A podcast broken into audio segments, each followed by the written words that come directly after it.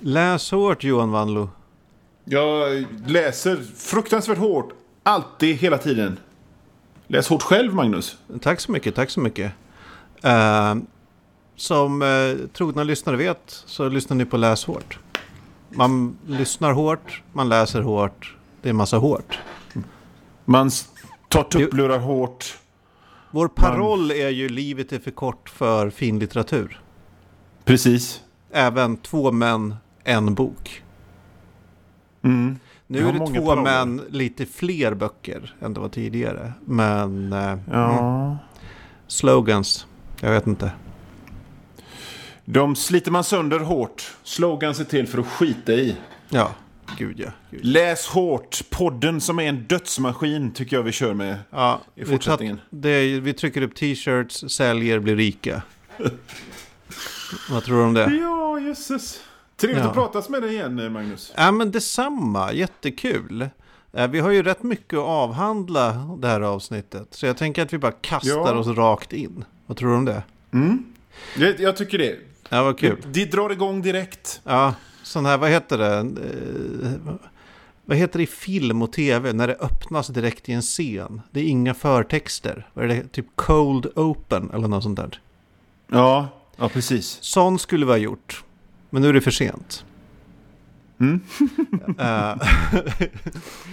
eller, eller, eller, som, eller som i liksom gamla avsnitt av, av Battlestar Galactica och, och Månbas Alpha, att det är liksom snuttar, de mest dramatiska snuttarna av det vi har sagt och lagt innan. Men det kräver ju att vi jobbar med det, det orkar vi inte riktigt. Nej, det, det ska, poddar ska vara glädje, det ska inte vara jobb.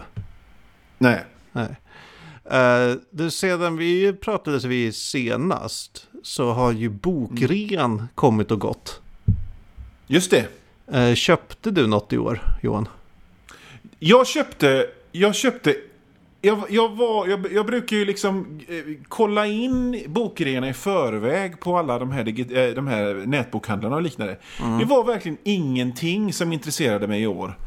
Uh, inte ens på typ science fiction-bokhandelns uh, bokrea eller typ serieförlagets Kobolt bokrea. Men det kan mycket väl vara så att de böckerna som jag är intresserad av de skaffar jag direkt. Antingen köper jag dem direkt eller så, så lånar jag dem på biblioteket direkt. Mm.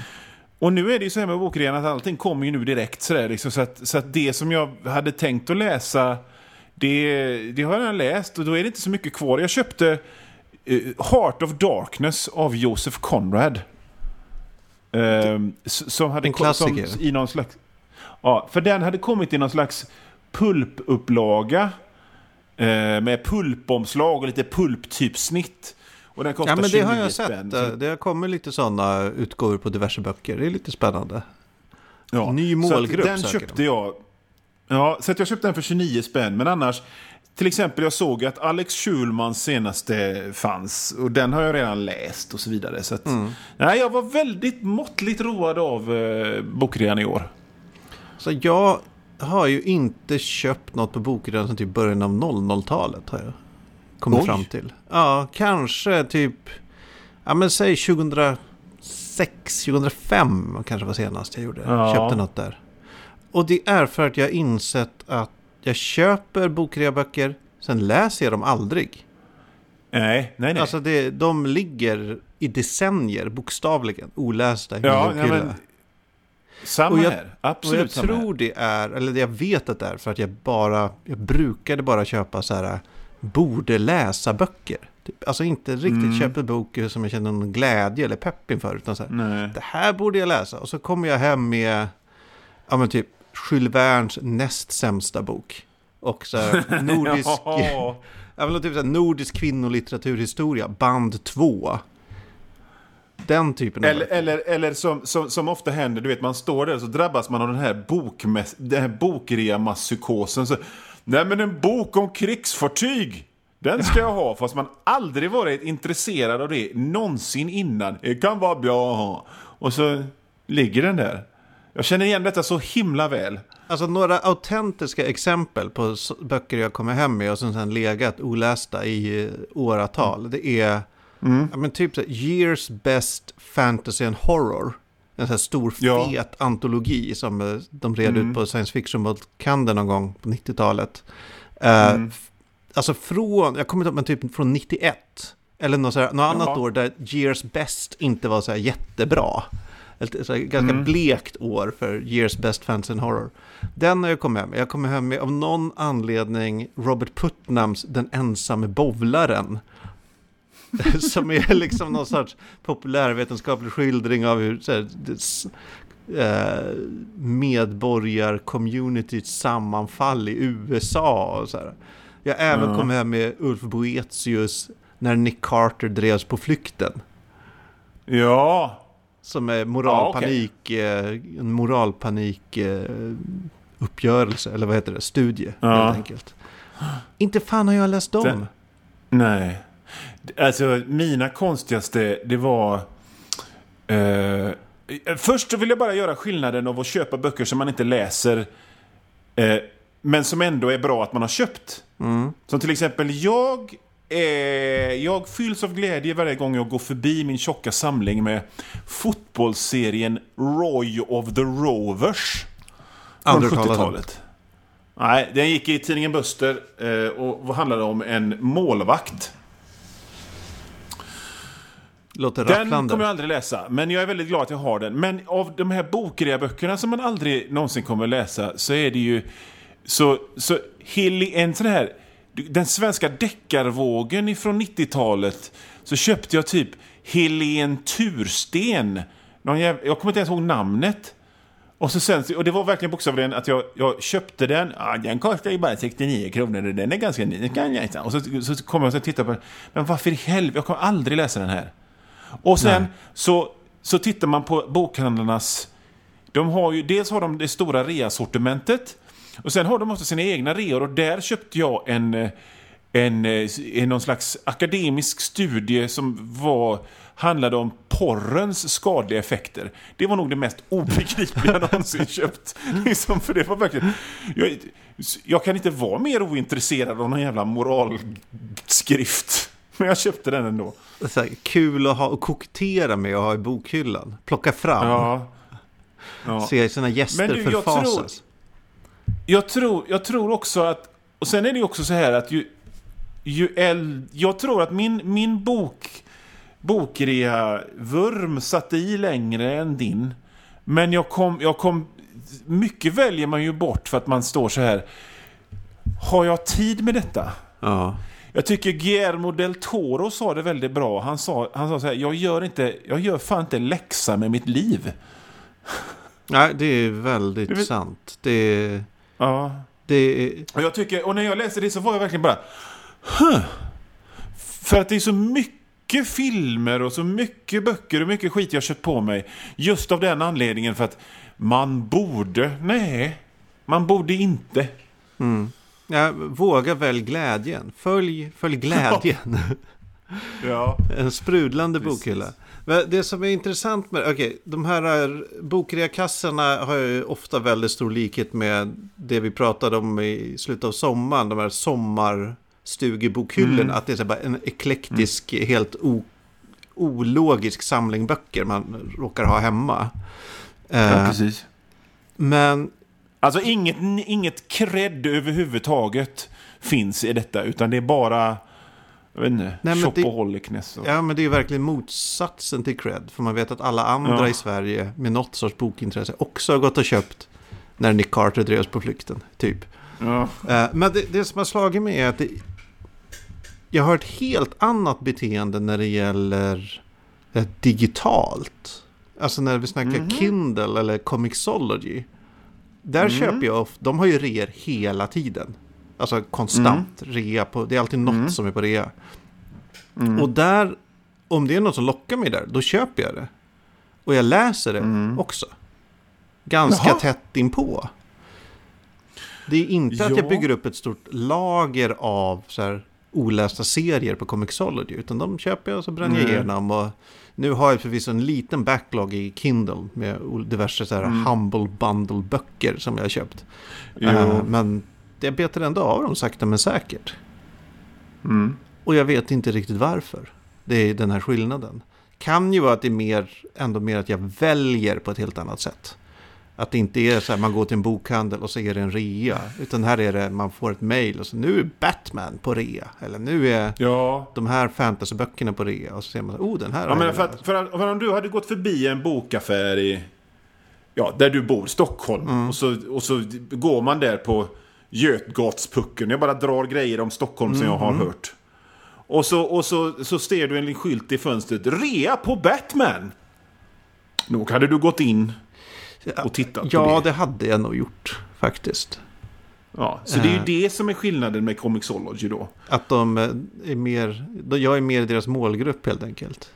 Ja, det, det är vad jag tror. För, men men jag, alltså jag håller med dig om detta fram till en viss punkt. För att till slut blev backloggen för stor. Och då slutade jag helt köpa digitala grejer. Jag har, det, är liksom- det är liksom vissa, no, några som jag har så på bevakning för att jag vet att de kommer att bli, komma i en rea. Sådär, som att, ja, den här Brave and the Bold från 70-talet kommer att reas ut för 5 dollar och den kostar 14 dollar nu. Så den har jag besparat. Men jag har också sansat mig med det och på Kindle har jag inte köpt någonting på evigheter. För att, jag vet inte, det är liksom ännu deppigare med grejer som har kostat pengar och som bara är en liksom liten fjuttig fil i någon jävla elektronisk grej som står och samlar damm i. Ja, det, det är bara en rad I på en display. Ja, Det är, ja, det är inte, man kan inte ens bläddra i det eller titta på omslaget. Utan ganska mycket ansträngning. Eh, precis. Nej, så att, så att, eh, jag, känner igen lite, lite, lite, lite, lite grann sådär. Men jag har ju en, eh, jag har ju en dokument i min, i min iPhone Aha. med liksom allting som jag vill hålla, håller utkik efter. För att ibland så, om jag, om jag läser till exempel nya svenska romaner, så är det alltid så här att de har jag fått nys på genom att läsa någon recension någonstans. Och, så, och då bara, hmm, okej, okay, men det, det, det, det är någonting med den här recensionen som gör att jag blir nyfiken med boken. Och då bara skriver jag upp bokens titel och så vidare i ett litet dokument. Och det gäller, det gäller med serier och det gäller med filmer också. Sådär. Så att om jag, okej, okay, där, där, nu är jag i den här affären som säljer gamla DVD-filmer och, och där var den som jag ville ha.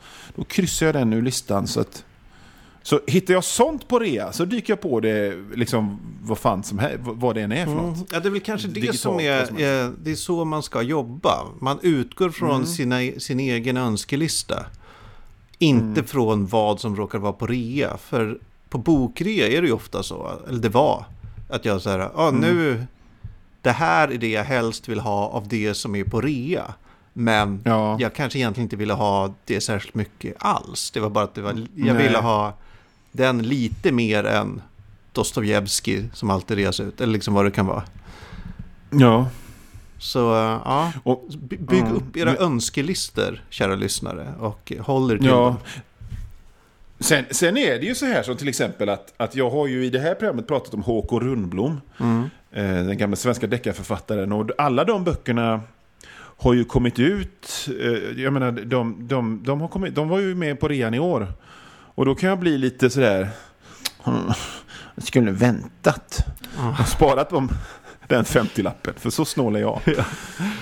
Ja, jag fattar. Så att det är ju inte så att det inte är grejer på reorna som jag inte kan tänka mig att läsa. Men då har jag ofta redan läst det. Mm. Ja, jag förstår.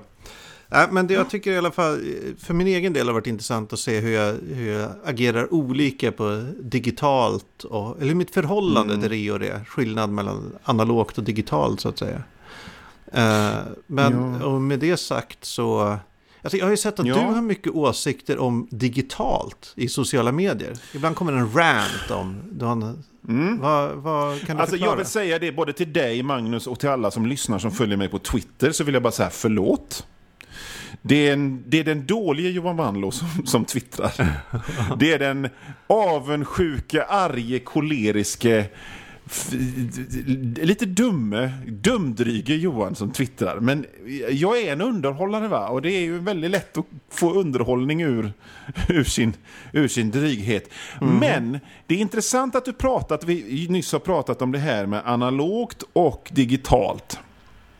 För att jag vill göra en proklamation i det här programmet. Och jag vill göra den här proklamationen ifrån faktiskt eh, ett, en, ett, en upplyst plats. Det är inte det att jag sitter och bara hötter med näven och, och magitänker. Utan jag har faktiskt funderat jättemycket på det här och kommit fram till att att det digitala är dött. Är det här, Det har det här något med EU-omröstningen att göra? Som var Nej, det har häromdagen? absolut ingenting med det att göra. För att jag, är inte, jag är totalt oinsatt i det. I den här eh, EU-omröstningen. Utan Ja, då får du förklara. Så här att un, under, under väldigt lång tid så har man liksom, folk slängt ut, slentrian slängt ut sig frasen Print är dött! Print är dött! Det är print är dött! Det är det digitala! Vi satsar på det digitala! Print är dött! Och så sitter jag i min del av branschen och onekligen så är det ju så att print har minskat när det gäller tidningar. Ja, det har Eh, det. Oh, det går inte det, att det, bestrida. det har det ju absolut gjort. Och, men, men när det gäller böcker, så liksom jag pratar med folk som liksom lägger huvudet lite grann på sned. Jobbar du med böcker i denna krisbransch? Vad fan snackar du om? Det är inte alls en krisbransch. Det är några Bonniersföretag som krisar lite, men i övrigt så säljs det skitmycket böcker. Och det, sälj, liksom, det, det, folk, tjänar, folk läser böcker, pappersböcker, asmycket. Och folk tjänar pengar på pappersböcker, asmycket. Och så vidare. Så det är liksom inte alls en krisbransch, det är en bra bransch. Och när det gäller, när det, gäller det digitala, när det gäller tidningar och sådär, så har ju jag sett de här eh, satsningarna på, på digitalt innehåll. Och jag har sett dem komma och jag har, se, jag har liksom sett byggena på dagstidningars appar. Som sedan har övergetts för att de är olönsamma. De har liksom ansetts vara så fruktansvärt... Liksom, det, finns, det är så lite ekonomi i dem så de inte har ens har sjösätts. Så vad istället har hänt är att det är den gamla printmodellen som drar in kulorna till medieföretagen. Det är, väl, det är möjligtvis så här att det är en digital prenumeration på dagstidning X. Men det är ändå en prenumeration på en tidning som kommer varje dag. Visserligen kanske du läser den i en iPad. Men det är liksom äh, de här annonsidéerna och de här konstiga... Det är dött idag. Ja, det finns så jävla mycket människor som för fem år sedan sa, liksom proklamerade att print är dött! Som idag sitter med panik i halsen och googlar kurser hur man ska bli mäklare. För att de, Alltså- det finns liksom ingen framtid i det digitala.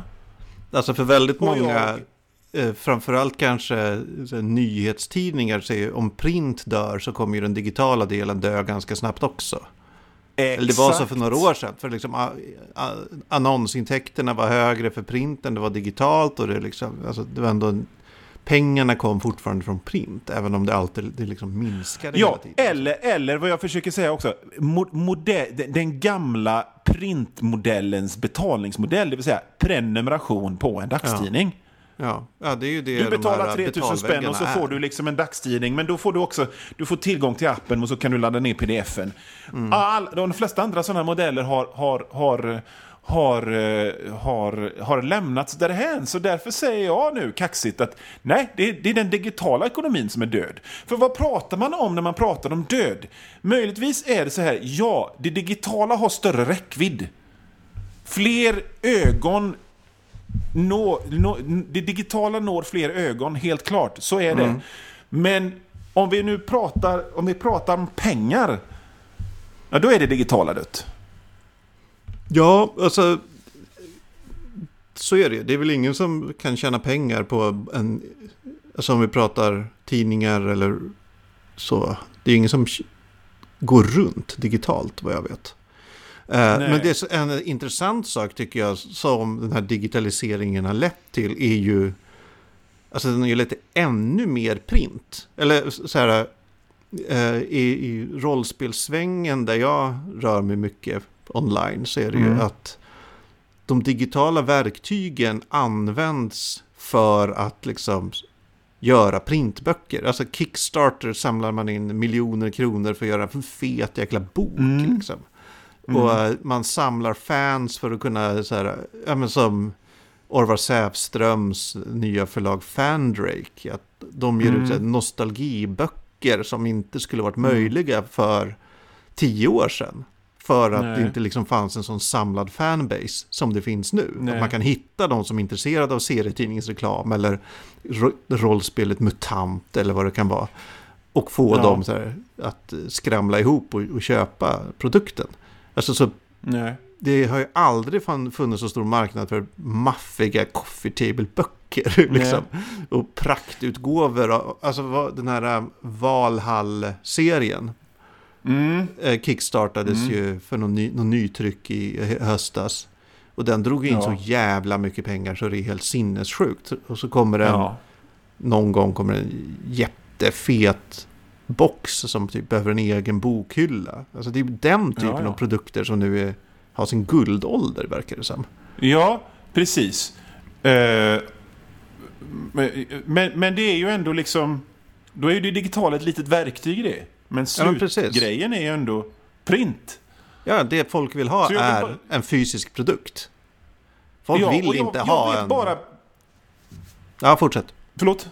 Nej, Nej, men jag vet bara med mig själv liksom att jag, min Kindle har legat. Jag, jag blir äcklad eh, om jag tvingas läsa digitalt nu. Jag vill, jag vill ha en riktig... Jag har aldrig köpt så mycket riktiga böcker som nu. För att nu testar jag det där och det var bra och fint. Okej, serie läser jag på min iPad. Det, det är en sak. Men, men ja, det här har vi pratat om så mycket. Jag vill bara säga Mm. så här att jag vill...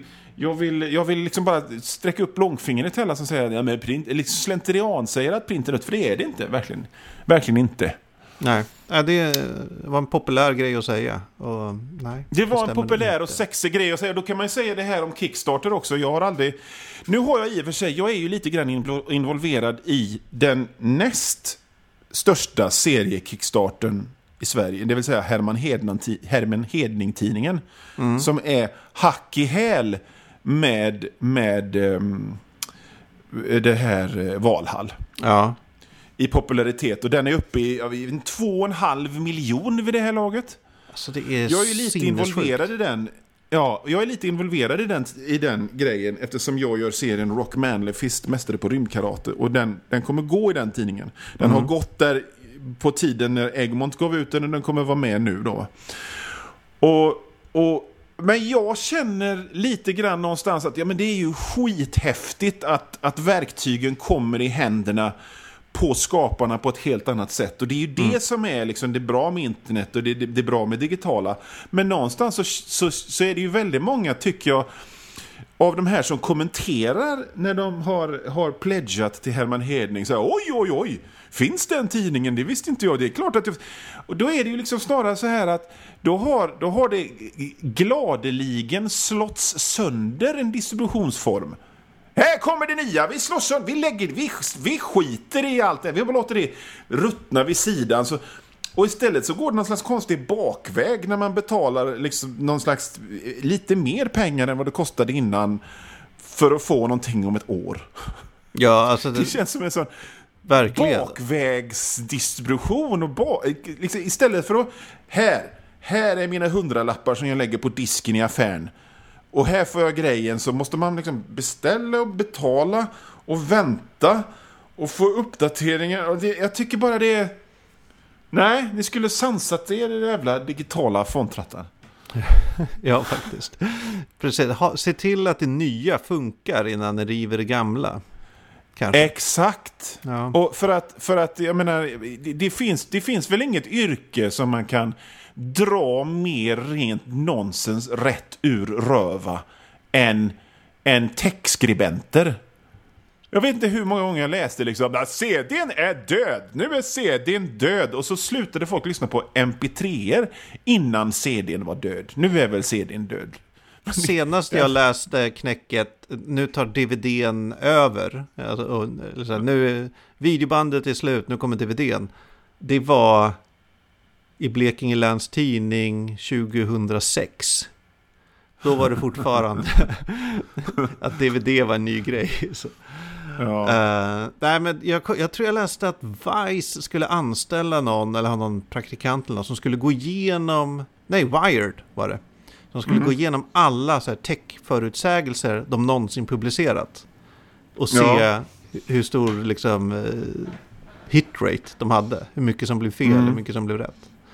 Eh, det Mm. knäcket ser jag fram emot, om det inte redan kommit. Ja, ja, verkligen. Eh, Men jag vill, jag vill bara säga att, att, att jag menar, jag, tyck, jag tycker bara det är så märkligt liksom. Print är dött och så går man till centralstationen och så är det fullt av tidningar. Och jag har tjänat eh, 700 kronor eh, på Google-annonser på Rock Manly Fist och samtidigt så tjänar jag alla mina pengar på print. På, jag, jag, jag, sluta med de där dumheterna, Mm. nej. Ja, verkligen. Digitalt är dött. Vi går vidare. Mm. Jag har en fråga till dig. Ja. Eh, vad har du läst sen sist? Jo! Jag har läst en bok, nu får jag ta fram mina anteckningar här. Eh, så stort intryck lämnar den. Nej, men jag har faktiskt läst en skitbra bok som heter So Many Doors av Oakley Hall.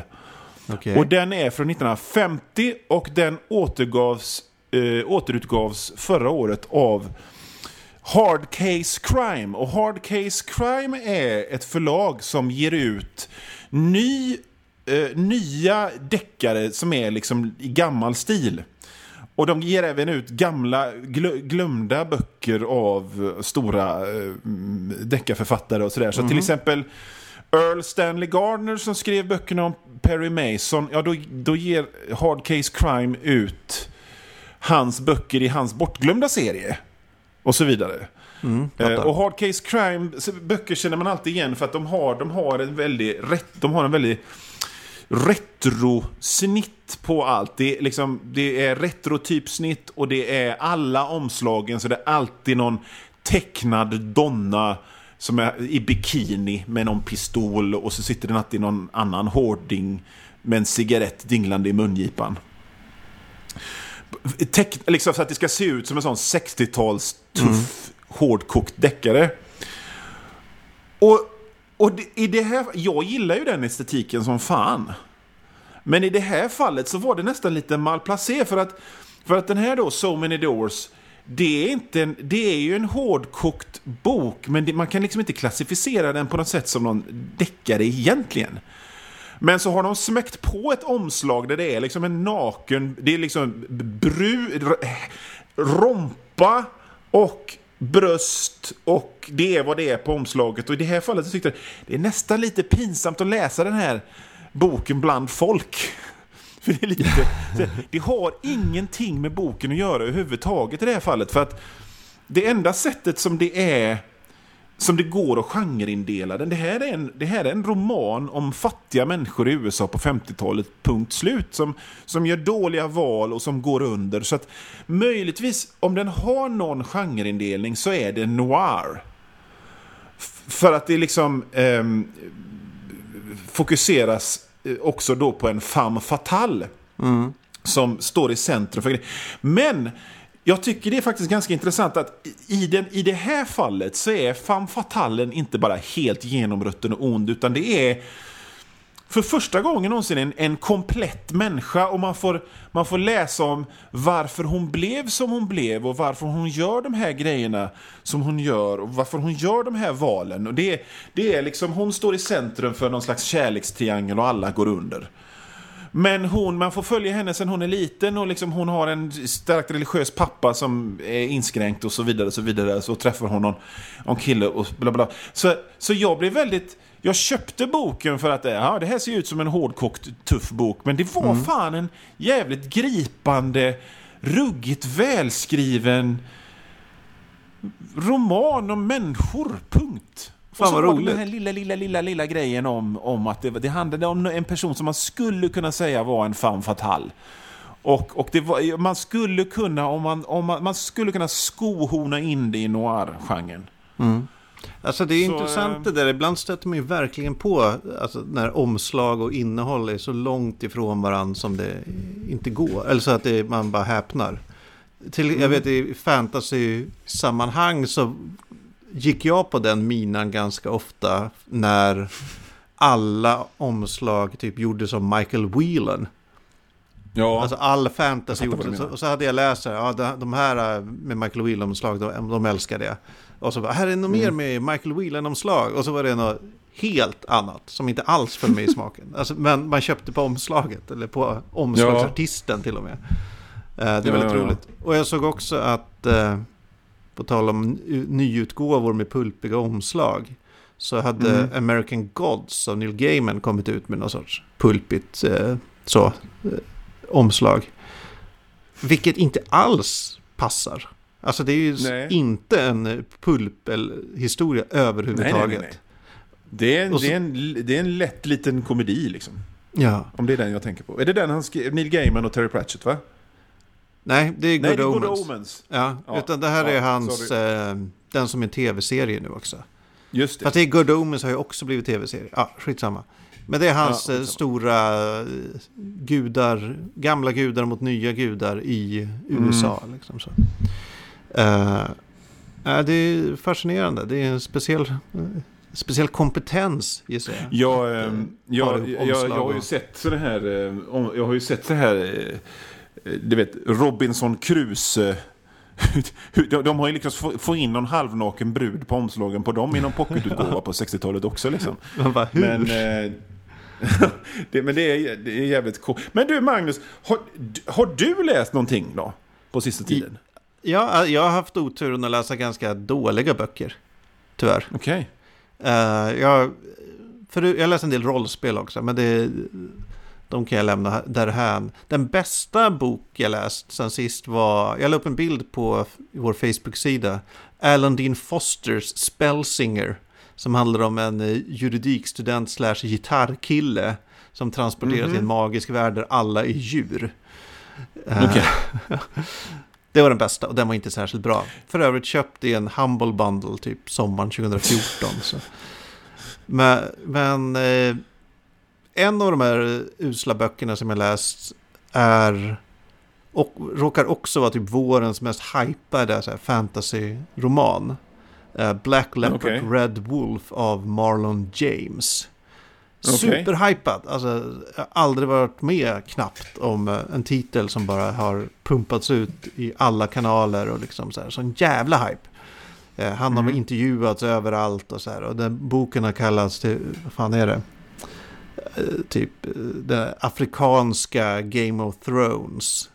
Vilket Mhm. är extremt felaktigt. Möjligtvis är det den, den afrikanska, jag vet inte, Fritz Lieber, eh, så här, Fuffer den Grey Mouser, fast i Afrika. Det, eller i en afrikansk fantasyvärld. Det handlar alltså om en varleopard. Mm. Eh, en människa som kan förvandla sig till en leopard. Eller tvärtom kanske, en leopard som kan förvandla sig till människa. Det är lite oklart. Eh, och en kille som har jättebra doftsinne. De och lite andra randoms ska hitta en pojke som försvunnit. Ett barn. ja. Och det, det, är, det är plotten. Och sen Ha. är det så här, förstår du. Att den här Marlon James är... Det här är inte hans första bok, men det är hans första fantasybok. Han, han har vunnit så här, The Booker Book Award, eller vad Mm. den heter. Alltså här, prisbelönt eh, eh, fin författare. ja. Och som det ofta blir när prisbelönta fina författare ska ge sig på genrelitteratur ja. så är det att de slår knut på sig själva. De ska använda alla litterära så här, um, stilistiska grepp de kommer på. Det är, ja. det är så här, uh, olika tidslinjer och det är stream of consciousness och det är så här, ja. ja, det, är liknelser och metaforer. Det bara fortsätter. På tårta Ja. på tårta skulle jag vilja säga. Och det gör... Ja. Nej, fortsätt. Nej, Ja, fortsätt. Plus då ett väldigt målande poetiskt språk. Alltså de Ja. tar, tar i så jävla mycket för att liksom visa jag är en stor författare och nu ska jag ta den här genren och göra fantastisk konst av den. Typ så. Mm, mm, mm. Eh, enorm svansföring. Vilket inte Ja. funkar överhuvudtaget i den här romanen. eh, Black Leopard Red Nej. Wolf. Utan den är bitvis oläsbar. men framförallt extremt tråkig. Extremt tråkig. Alltså hela, hela boken är typ så här. Eh, Varleoparden luktar Ja. illa. Och eh, huvud, eh, den andra huvudpersonen då som har ett jättebra doftsinne beskriver hela tiden hur illa den här personen luktar. Han luktar röv. Och det Mm. kommer fram hela tiden. Och han luktar så illa. Och allt luktar så illa. Och, det är så här, och, det är, och sen är, är det, det är mycket kuk. Och det är mycket knulla. Mm. Eh, som Ja. det också brukar vara när då icke-genreförfattare ger sig på genren. Nu ska jag visa dig på riktigt. Så här. Ja. Det är, eh, köttigt. Och så, äh, äh. Jävla science fiction-bokhandel nördar, nu ska jag visa hur det går till. Ja, precis. Inte här. hentai, det här är inte. Ja, det är mycket så här buttcrack-dofter, mycket stånd. eh, och, och så lite så här inslängda referenser som han förmodligen tror är smarta till, till typ Tolkien eller Game of Thrones eller något sånt där. Ganska Den uppenbara. nya fräcka författaren. Tolkien. Och Men du, Är alltså det- det här... Hur, hur, hur har... Hur har hypat är ju en sak. mm, Men har du läst någon kritik? Vad säger Nej. kritiker om detta? eh, den har ju fått ganska bra recensioner. Vad jag har sett. Eh, I varje fall av eh, så att säga kri- kritikerkåren.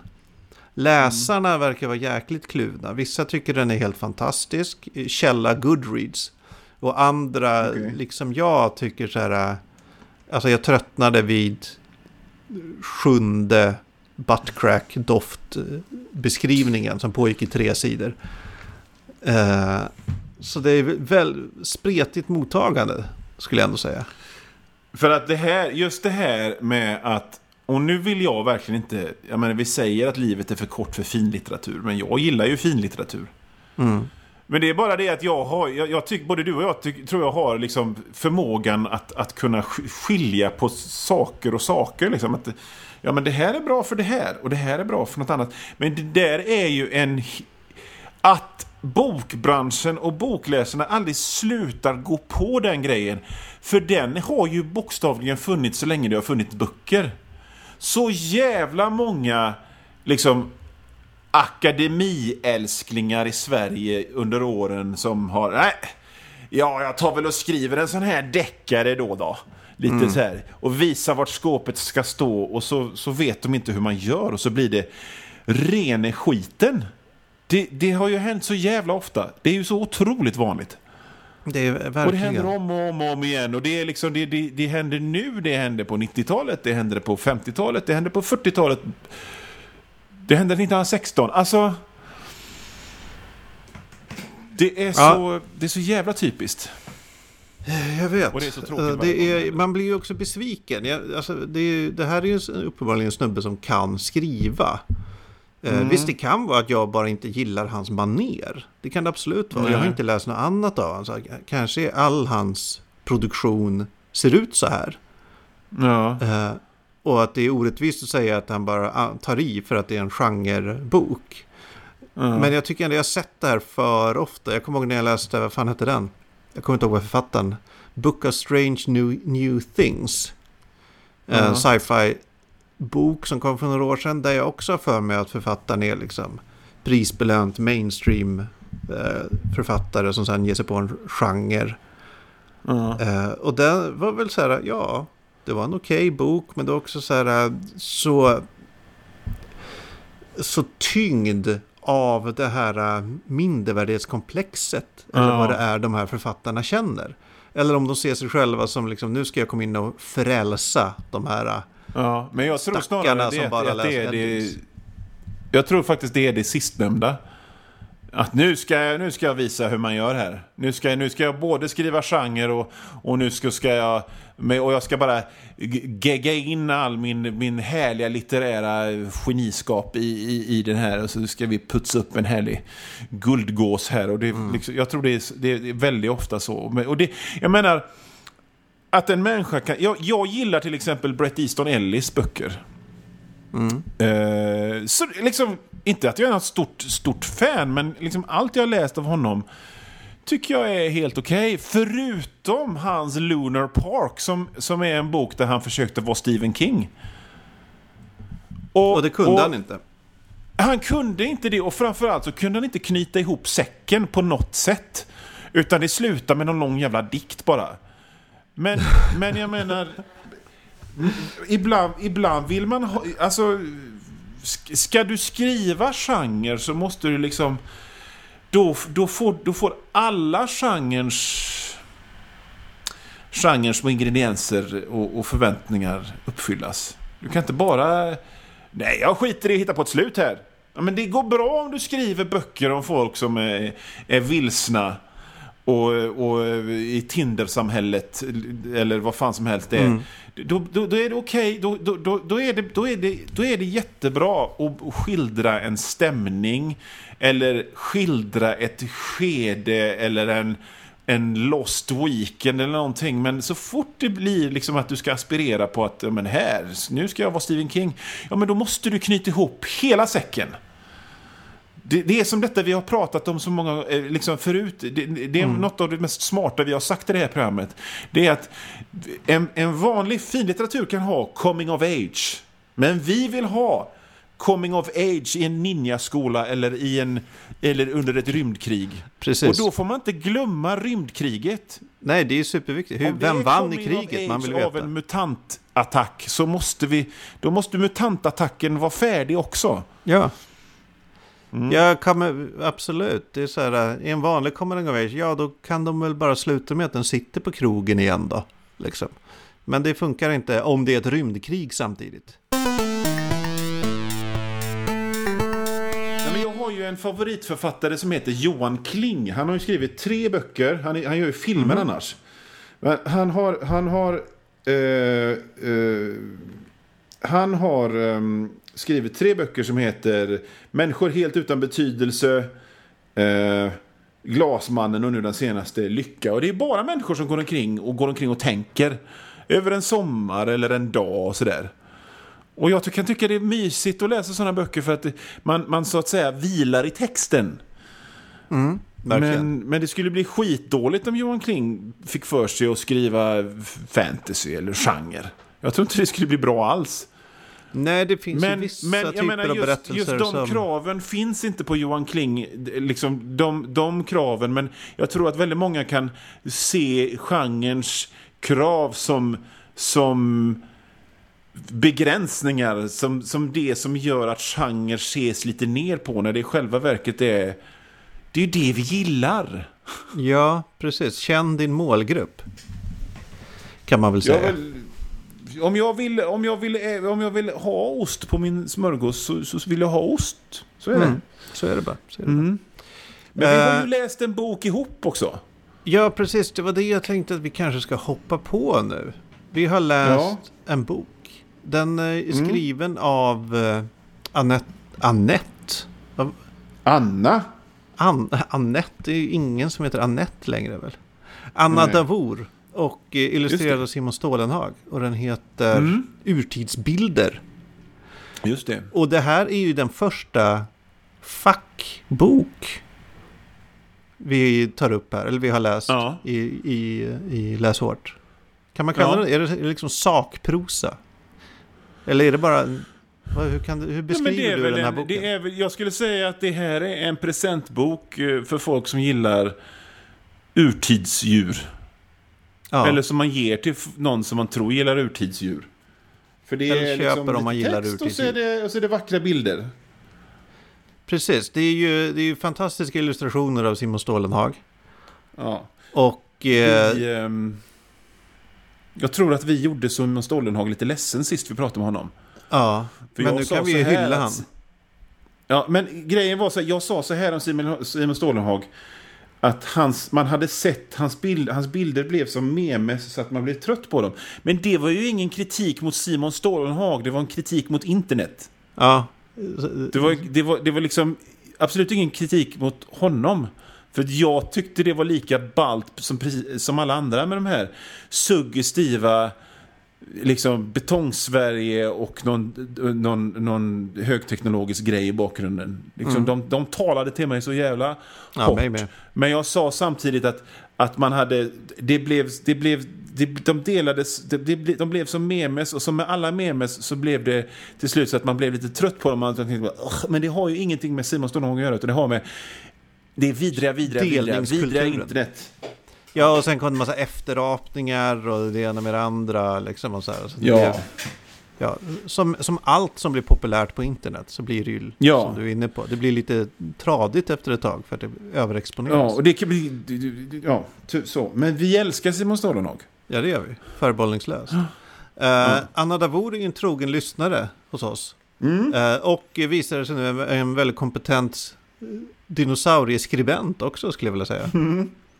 Eh, Ja. Det är ju eh, korta, effektiva, faktaspäckade texter i eh, den här Ja. boken. Så, alltså, jag har funderat på det. Vad- det är ju, dinosaurier är ju... Det känns som det finns bara två sätt att skriva om dinosaurier. Om man, nu- Ja. man inte... Alltså så här, att är, antingen är man väldigt kort och kärnfull och bara så här radar fakta. Och det är, det är lite åt det hållet den här boken är. Eller Ja. så blir det liksom att det aldrig tar slut. Att man kan skriva Nej. hur mycket som helst. Ja. Och att det, det nästan inte finns något däremellan. Jag läste eh, Johan Egerkrans eh, har också kommit ut med någon dinosauriebok för ett tag sedan. Alla tiders dinosaurier. Som är lite Ja. samma som den här fast eh, med då Egerkrans teckningsstil. Mm. Och där är det, det är också det att det är... Det, det presenterar... Jag vet inte hur jag kan uttrycka det riktigt. Men det är, det är en, en kärnfullhet i båda Mm. de här böckerna. Och kanske ännu mer Ja. i urtidsbilder. Som Mm. jag tycker är rätt härlig. Att det liksom, man får det man behöver veta Ja. utan att behöva vada igenom stora mängder av så här fanboy dinosaurie smörja. Förstår du vad jag menar? Nej, jag förstår vad du menar. Jag tänker så här att, att jag menar alla barn har ju gått igenom någon slags dinosauriefas. Men det här är inte någon bok som man ska ge något barn direkt. Kanske en fem- 14-15-åring möjligtvis. Börjar för att texterna är ändå så pass eh, långa. Att det här är mer någon slags... Jag tänkte på det. Jag, jag, den är ju utgiven av Fria Ligan. Mm. Som jag inte visste gav ut litteratur. Jag trodde bara de gjorde eh, rollspel. Men nu vet jag att de har gett ut en massa... Ja, det är ganska nyligen de började ge ut skönlitteratur på det sättet. Ja. Det började nog Men- med men- Simon Stålenhag, att de gav ut hans grejer och sen har det fortsatt. Jo, jo, okej. Ja, ja, för, jo, förstått. Men, men jag tänker att, att det, det, det, det, jag tittade på boken och så, och så var det en presentation av förlaget och så, och så de ger ut fantastik, bla bla. Då tänkte jag, men ja, det här är ju faktiskt fantastik. På ett sätt. Det är faktafantastik. Det är ju Ja. asballt. Det, det är ju det här... Alltså, jag hade väl som alla andra en liten dinosaurieperiod i kanske låg mellanstadiet, lågstadiet kanske. Mm. Där man pågick inte länge och det blev liksom aldrig så här en stor passion för mig riktigt. Vilket, Nej. det har blivit, vilket man märker just när sådana här släpp kommer. Att det finns ju jättemånga vuxna som är helt så här wow! av dinosaurier. Mm, mm, Eh, och det som jag slår mig när jag läser den här är att det är så här helt... Det är orimligt att det här har hänt Ja. på riktigt. Det är liksom Ja, så här, det det är är, så helt sinnessjukt att de här konstiga varelserna har, har brummat runt. Nere i gre, Ja. vad de nu är, i tundran eller en jävla djungel eller Ja. kontinent som inte längre finns. Det är helt sinnessjukt. Ja, och, det, och liksom, jag, jag, i början av boken så stod det liksom att månen var mycket större för att den var närmare. Och Ja. man bara liksom, så jävla fräckt! På ett sånt, du vet, grundläggande barnsligt sätt. Bara, så jävla tufft! Den som kommer på det här, vilken jävla fantasi. Mm. Eh, det, Det är inte så mycket man kan Ja. säga om den här boken mer än att liksom, det är vackra bilder och, och den här texten då. Ja, alltså den Men det är räcker ju, nästan. Man får vad den heter. Urtidsbilder. Mm. Mm. Den borde heta urtidsbilder och lite text. Om man ska vara helt Mm. sanningsenlig. Men eh, Mm.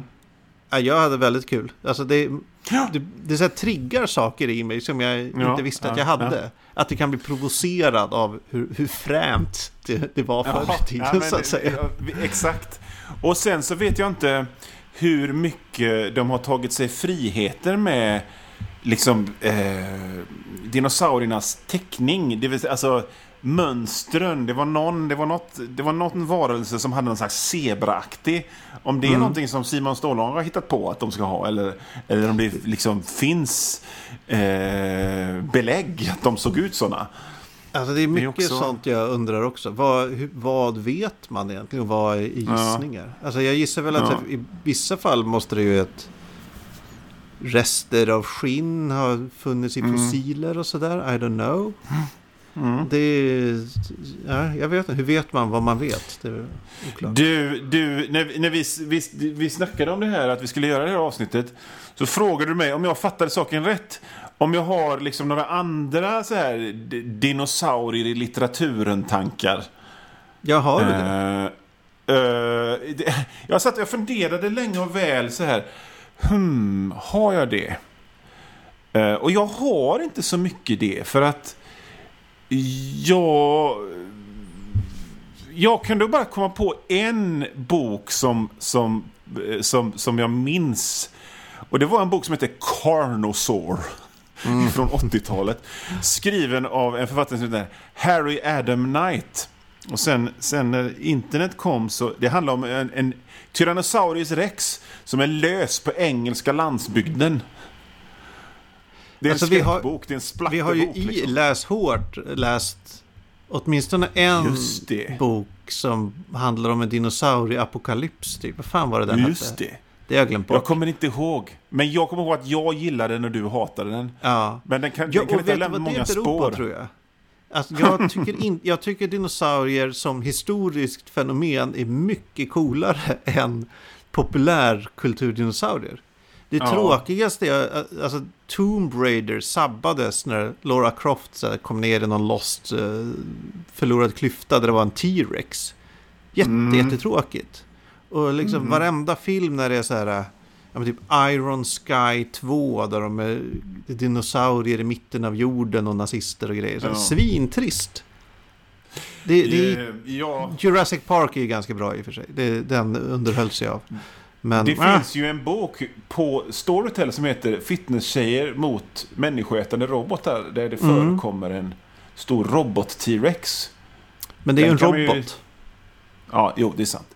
Men är den här, här, den här Carnosaur. Eh, det, jag läste den som dum pilt och bara tyckte asfräck. Monster som tugg. Och det var liksom naturligtvis många beskrivningar av hur folk maldes till gegga mellan den här T-rexens käftar. Ja. Och så läste jag om den, eh, då var det, då var det liksom skriven av en engelsk poet. Det här hör samman ihop med, med det vi eh, det vi pratade om innan. En engelsk poet under pseudonym. Och Harry Adam Knight, den, den, den de, vad heter det? Nu har jag tappat det helt. Initialerna, Ja. det blir ju ordet hack. Det vill säga Ah, kass författare. kul. kul. Så det här var verkligen så här som, som han bara... Äh, jag bajar ur med den här boken. Och han har skrivit massa andra böcker liksom, det, eh, om, som jag också faktiskt har läst. En om något konstigt slem på någon oljeborrplattform. Liksom. Och, och jag menar, i min tonåriga sinne så tyckte jag bara det här är grymt. Och jag visste inte att det var, det var en cynisk poet som, som var trött på att vara fattig. Som var försupen som skrev de här för att tjäna pengar. Liksom. Alltså, Men det är mitt stora litterära dinosaurieminne. Ja. Ditt då? Ja, jag, jag tappar ofta intresset när dinosaurier kommer in. Mm. Jag är ledsen över det. Eh, förutom just i när det handlar om de riktiga dinosaurierna. Jag tycker det är fan främt nog att de här konstiga har puttrat runt och käkat gräs och Ja. kött och grejer. Och Ja, vem vet visst. vad de sysslade med. Liksom, Ja. Skriv en bok när, när dinosaurierna skjuter laser från ögonen. Då, jag, jag kommer att höja ett ögonbryn. Mm, kanske. Mm. Så jag kommer skriva Men- en bok där det uttryckligen inte förekommer några dinosaurier. där någon kommer in i ett rum och så här, det var ingen dinosaurie i rummet. Bara farmor Agda. Han spejade ut, inga dinosaurier på gatan. Han passade på att springa till bilen. Ah, Det, låter Så- som, det låter som ett fruktansvärt... Det här låter som en så här, konceptkonst. Gör kanske. det. Ge ut Ja. en hel bok. Liksom, det, liksom, det, det springande punkten är att det inte är några dinosaurier överhuvudtaget. Han Men öppnade hur- kylskåpet. Där var inga dinosaurier. Man kommer ju då som läsare tro att det är en värld där det är vanligt med dinosaurier. Det är väl det som Ja. är risken då. Men det är bara Stockholm 2019 liksom. Det finns inga Precis. dinosaurier. Ja, kul. Men eh, innan vi slutar det här så hade jag tänkt be dig lite om hjälp. Ja, Okej. Eh, jag håller ju på att försöka gå igenom, läsa igenom så här, högarna jag har liggande. Ja. Det går ganska bra, men jag har några så här eh, projekt, läsprojekt. Om du Ja. fattar vad jag menar. Där det är en, g- ganska mycket insats i tid och kanske kraft att eh, Ja. läsa de här grejerna. Och Ja. jag, jag behöver hjälp vilken jag ska välja. Så jag tänkte att du kan få, få bestämma Men har du vad... något X, X, 1, kryss 2 grej där? Med liksom, antingen ger jag mig på detta eller så ger jag mig på detta eller ger jag mig på detta. Nej, det är nog mer att vilken ska jag ta först i tid här. Det här är sån här, jag kanske orkar en sån här eh, i halvåret möjligen. Och så Ja. blir nästa kanske jag ger mig på någon gång nästa år eller så, eller i höst liksom. Eh, Men det, det jag går och velar mellan här, jag har fyra kandidater. Ja. Det är dels Erik Granströms eh, krönikan om den femte konfluxen-böcker. Det är fyra volymer, kanske 600 sidor vardera. Eh, sen är det den gamla klassikern De tre musketörerna som jag har stående. Mm. Inte lika ansträngande men ändå så här, ja men läsa klassiker det kan ju vara ett tvegat svärd.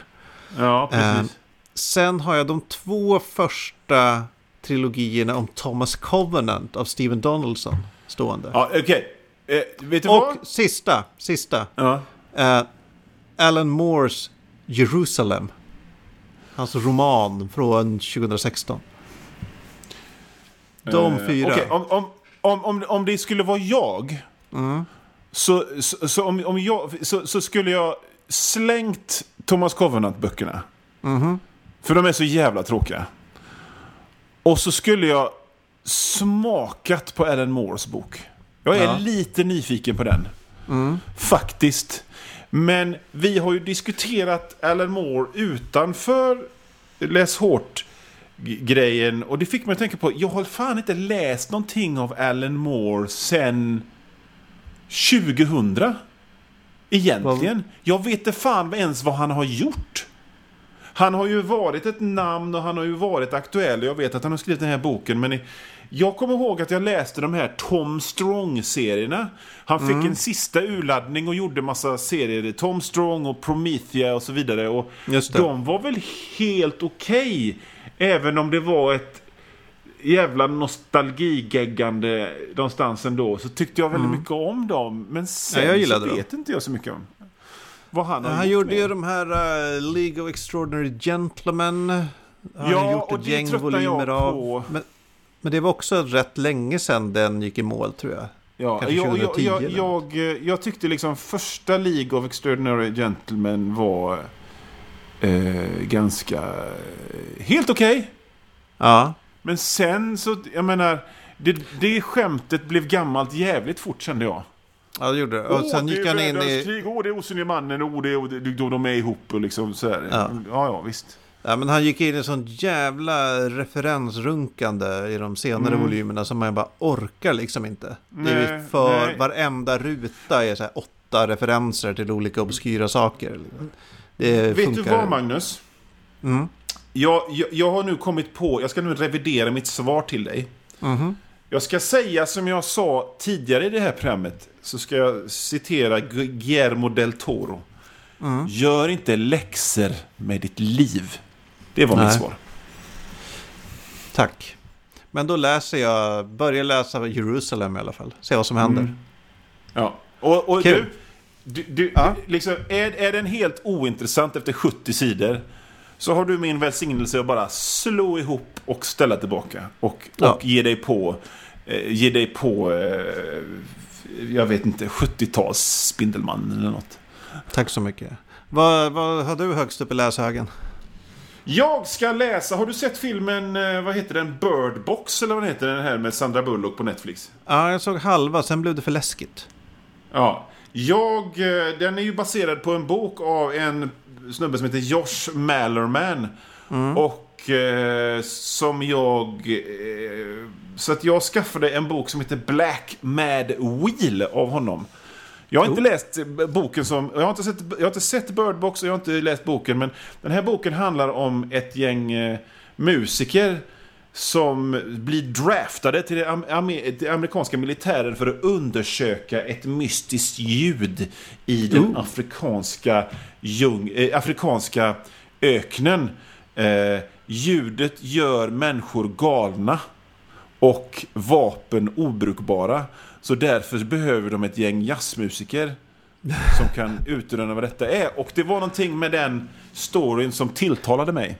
Så därför ska jag läsa när, den härnäst. När armén behöver ett gäng jazzmusiker för att lösa deras problem, då, då är det illa. Mm. Då är det jävligt illa. ja, men det, jag ser fram emot att, att höra dina åsikter om jazzmusikerskräckisen. Mm. Ja. Men läs då säger vi eh, läs hårt Johan Wandlo. Läs så fett hårt.